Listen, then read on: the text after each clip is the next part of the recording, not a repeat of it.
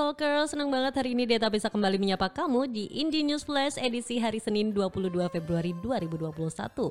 Awal pekan harus kita sambut dengan penuh semangat ya, apalagi Deta hari ini bakal kasih kamu 10 berita terkini seputar Jateng dan DIY.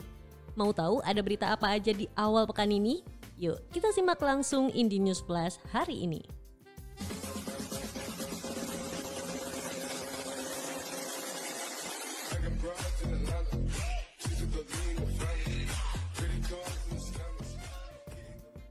Berita pertama datang dari kota Semarang. Vaksin tahap 2 tiba di Semarang. Distribusi untuk lansia dan pelayan publik. Dikutip dari suaramereka.com, sebanyak 100.430 vial vaksin atau sekitar 1 juta dosis vaksin COVID-19 telah tiba di gudang Dinas Kesehatan Provinsi Jawa Tengah Minggu 21 Februari 2021. Vaksin ini merupakan tahap kedua yang diperuntukkan bagi lansia dan pelayan publik. Pengelola vaksin di gudang Dinkes Jawa Tengah, Samsun Hadi mengatakan, vaksin datang lebih cepat dari estimasi awal yang diperkirakan pukul 13 waktu Indonesia Barat. Vaksin tak semuanya langsung didistribusi karena masih dalam proses pengalokasian. Hadi mengatakan, distribusi awal dilakukan untuk kota Semarang sebanyak 10.000 vial yang diambil di gudang Dinas Kesehatan Jawa Tengah. Selain itu, sebanyak 7.000 vial langsung dikirimkan oleh Bio Farma untuk kota Surakarta. Sebelumnya diberitakan Gubernur Jawa Tengah Ganjar Pranowo menyiapkan sejumlah skenario untuk vaksinasi tahap 2. Skenario-nya adalah selain percepatan vaksinasi untuk pelayanan publik dan lansia, juga akan diberikan pada kelompok masyarakat tertentu. Ganjar menargetkan vaksinasi tahap 2 akan berjalan lebih cepat. Wih, pantau terus ya Indie Talkers. Kayaknya udah banyak ya para Indie Talkers yang udah nggak sabar kapan dapat giliran vaksin. Eight, sabar, Sambil menunggu tetap jalankan protokol kesehatan ya. Berita kedua, tanam pohon sukun untuk konservasi tanah perkotaan.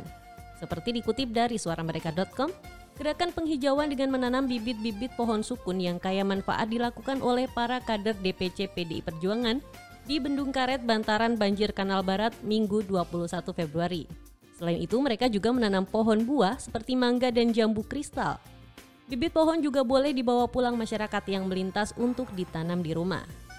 Feviarita Gunariati Rahayu, calon wali kota Semarang periode 2021-2024 menjelaskan, pohon sukun dikenal kaya manfaat, di mana akarnya mampu mengikat air lebih banyak dibandingkan jenis pohon lain, sehingga baik untuk konservasi lahan di perkotaan. Penanaman pohon tersebut sangat tepat untuk jadi solusi pencegahan kebencanaan, Harapannya ke depan untuk bisa membuat lebih banyak daerah-daerah hijau. Wah, seneng banget ya Hindi Talkers kalau nanti pohon-pohonan ini udah besar, jadi makin banyak tempat di tengah kota buat berteduh siang-siang sambil makan buah-buahan. Uh, kebayang gak sih nikmatnya? Yuk kita dukung gerakan penghijauan di lingkungan kita. Berita ketiga, Dukungan orang tua sangat berperan wujudkan positif parenting. Seperti dikutip dari tribunjateng.com, Fakultas Psikologi Universitas Semarang atau USM bekerja sama dengan Dharma Wanita Persatuan atau DWP Fakultas Usuludin dan Humaniora UIN Wali Songo Semarang menggelar kegiatan pengabdian kepada masyarakat secara online. Pengabdian masyarakat bertema positif parenting di masa adaptasi kebiasaan baru pandemi COVID-19 tersebut dimoderatori oleh dosen Fakultas Psikologi USM Retno Ristiasih Utami dengan narasumber juga dosen Fakultas Psikologi USM Feti Pratiwi. Dalam pemaparan materinya, Feti Pratiwi menjelaskan bahwa pandemi COVID-19 memberikan dampak dalam beberapa bidang kehidupan. Salah satunya dalam bidang pendidikan di mana seluruh sekolah melakukan pembelajaran jarak jauh secara daring. Menurutnya orang tua perlu menjaga agar kondisi fisik dan psikologis agar tetap sehat. Secara fisik, orang tua diharapkan memberikan asupan makanan yang cukup dan bergizi agar anak tetap sehat dan juga menyediakan media belajar yang menunjang kegiatan pembelajaran. Sedangkan secara psikologis, diharapkan orang tua menerapkan positif parenting atau pengasuhan yang positif agar anak-anak tetap merasa nyaman beraktivitas di rumah selama masa adaptasi kebiasaan baru ini.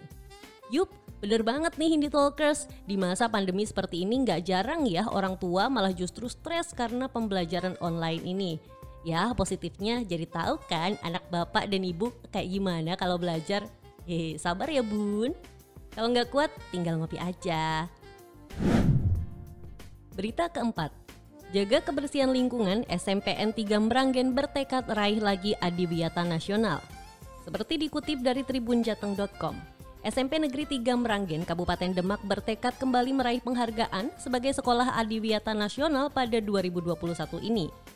Untuk itu, SMP Negeri 3 Meranggen menggaungkan gerakan peduli sampah.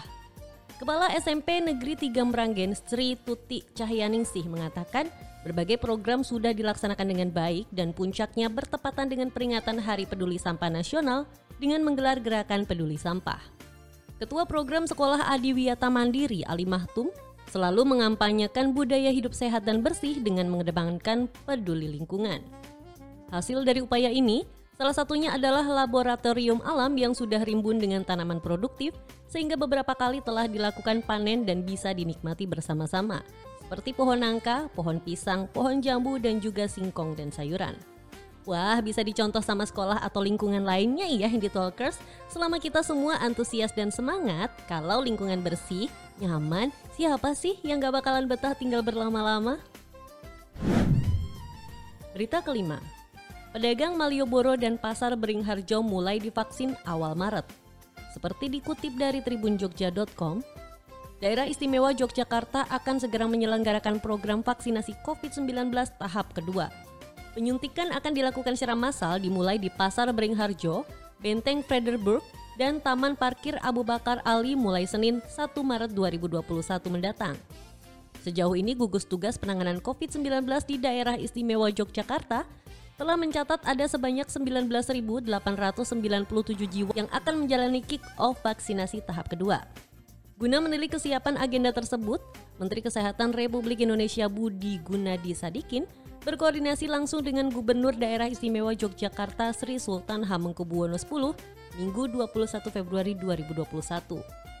Koordinasi dilakukan di dalam Kilen Keraton Yogyakarta dan dilanjutkan dengan menilik kesiapan dua lokasi vaksinasi massal, yakni Pasar Beringharjo dan Benteng Frederberg.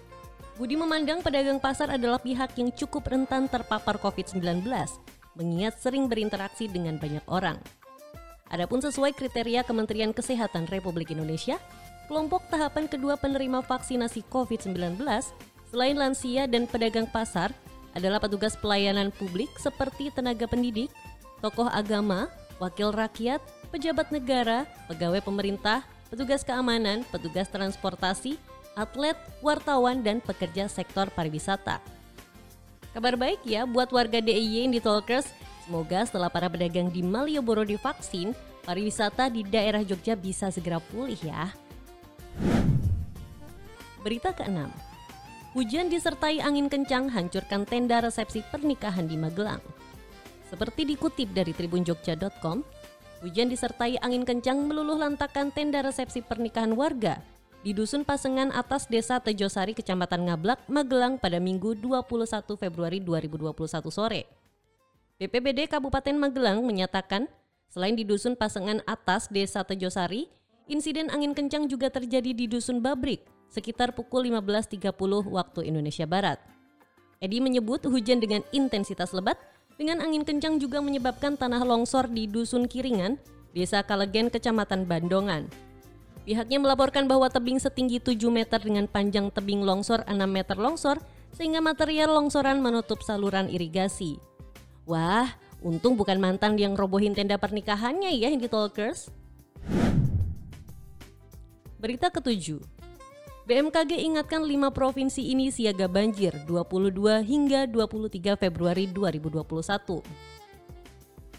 Dikutip dari harianjogja.com, Badan Meteorologi, Klimatologi, dan Geofisika atau BMKG mengingatkan masyarakat di lima provinsi dalam status siaga karena berpotensi terjadi banjir dan bandang akibat hujan lebat dalam periode 22 hingga 23 Februari 2021. Menurut data perakiraan yang dirilis BMKG di Jakarta, Minggu 21 Februari 2021, Provinsi Jawa Tengah, Jawa Timur, Bali, Sulawesi Tengah, dan Sulawesi Selatan masuk dalam kategori siaga banjir dan bandang akibat hujan lebat. Beberapa kabupaten kota yang diperkirakan masuk dalam siaga banjir akibat hujan lebat di Jawa Tengah adalah Kebumen, Banjarnegara, Purbalingga, Pekalongan, Pemalang, Wonosobo, Temanggung, Kendal, Batang, Magelang, dan Purwokerto. Wah, waspada ya buat indie talkers yang ada di daerah yang rawan banjir. terutama buat kalian yang merencanakan pernikahan dalam waktu dekat. Jangan sampai ya kalian ke KUA diangkut pakai bak bayi gara-gara banjir. Berita ke-8 dapat 134 miliar rupiah dari proyek Waduk Kuningan, warga borong 300 motor dan mobil. Seperti dikutip dari tribunjateng.com, belakangan ini publik dihebohkan dengan aksi borong mobil oleh warga Tuban, Jawa Timur. Hal serupa terjadi di Kuningan. Warga desa Kawungsari, Kecamatan Ciberem, Kabupaten Kuningan, Jawa Barat juga mendapat durian runtuh setelah melepas lahan mereka untuk proyek pembangunan waduk. Setidaknya ada 179 bidang tanah yang dilepas warga. Kepala Desa Kawung Sari Kusto mengatakan, kemarin ada pencairan sekitar 179 bidang tanah yang dibebaskan dengan nilai rupiah mencapai sekitar 134 miliar rupiah. Menurut Kusto, uang yang mencapai miliaran rupiah tersebut merupakan ganti untung mega proyek pembangunan Waduk Kuningan. Proyek yang masuk program nasional tersebut telah berlangsung sejak 2013. Masyarakat telah lama menunggu pencairan ganti untung dari lahan yang dijual tersebut. Setelah uang tersebut cair, masyarakat langsung memberi barang konsumtif berupa mobil dan motor. Gusto menambahkan sekitar 300 motor dan mobil telah dibeli warga desa tersebut. Wah, kok malah jadi tren ya Hindi Talkers sekampung borong barang konsumtif berjamaah. Nah, kira-kira kalau kamu dapat rezeki durian runtuh begitu, mau kalian apain Hindi Talkers? Berita ke-9. Rumah penimbunan rokok ilegal digerebek. Seperti dikutip dari suaramereka.com, tim gabungan Kanwil Bea Cukai Jawa Tengah dan Bea Cukai Kudus Jumat 19 Februari menggerebek gudang penimbunan rokok ilegal di Kabupaten Demak. Tugas mendapati 448 ribu batang rokok sigaret kretek mesin ilegal siap edar dan disimpan di bangunan tersebut. Hasil analisa aparat nilai barang sejumlah 456,9 juta rupiah. Estimasi kerugian negara yang dapat diselamatkan mencapai 300,3 juta rupiah. Bea Cukai Kudus selalu mengedukasi publik agar bekerja pada jalur legal. Jika tidak, aparat tak segan menindak sesuai prosedur dan aturan cukai yang ada. Berita ke-10. Pakai sendok, dua tahanan jebol tembok lalu kabur dari polsek. Seperti dikutip dari tribunjateng.com, dua tahanan kabur setelah menjebol dinding penjara menggunakan sendok pada Kamis 18 Februari 2021 malam. Setelah kejadian tersebut, Kapolsek Pontianak Utara AKP Heri Purnomo dicopot dari jabatannya. Kapolres Pontianak Kombes Pol Leo Joko Triwibowo saat dihubungi Minggu 21 Februari 2021 mengatakan AKP Heri Purnomo dimutasi menjadi Kasubag Dalops bagian operasi Polres Kayong Utara. Propam Polda Kalimantan Barat dan Biro Pengamanan Internal memeriksa langsung penyebab kaburnya dua tahanan tersebut. Sebelumnya Faisal dan Meki tahanan Polsek Pontianak Utara diringkus setelah melarikan diri pada Kamis 18 Februari 2021. Tahanan tersebut kabur setelah mengikis dinding penjara dengan sendok yang telah ditajamkan. Untuk mengelabui petugas saat mengikis tembok salah satu di antaranya berpura-pura mengaji. Setelah tembok penjara berlubang, mereka melewati celah tersebut untuk kabur. Leo mengaku bangunan Polsek Pontianak cukup tua, tetapi bangunan tersebut dinilai masih layak dan kuat. Tak lebih dari 12 jam, Faisal dan Meki ditangkap di dua lokasi yang berbeda. Waduh, ada-ada ya Indie Talkers. Mungkin mereka terinspirasi dari film Doyok dan Kadir yang untung terus. Hikmahnya sih, mereka berdua membuktikan bahwa yang namanya usaha itu nggak pernah mengkhianati hasil. Ya, itulah tadi di Talker 10 berita terkini yang bisa kita hadirkan hari ini. Tetap semangat di hari Senin ya. Sampai jumpa lagi di Indie News Flash edisi selanjutnya. Keep connecting, keep inspiring.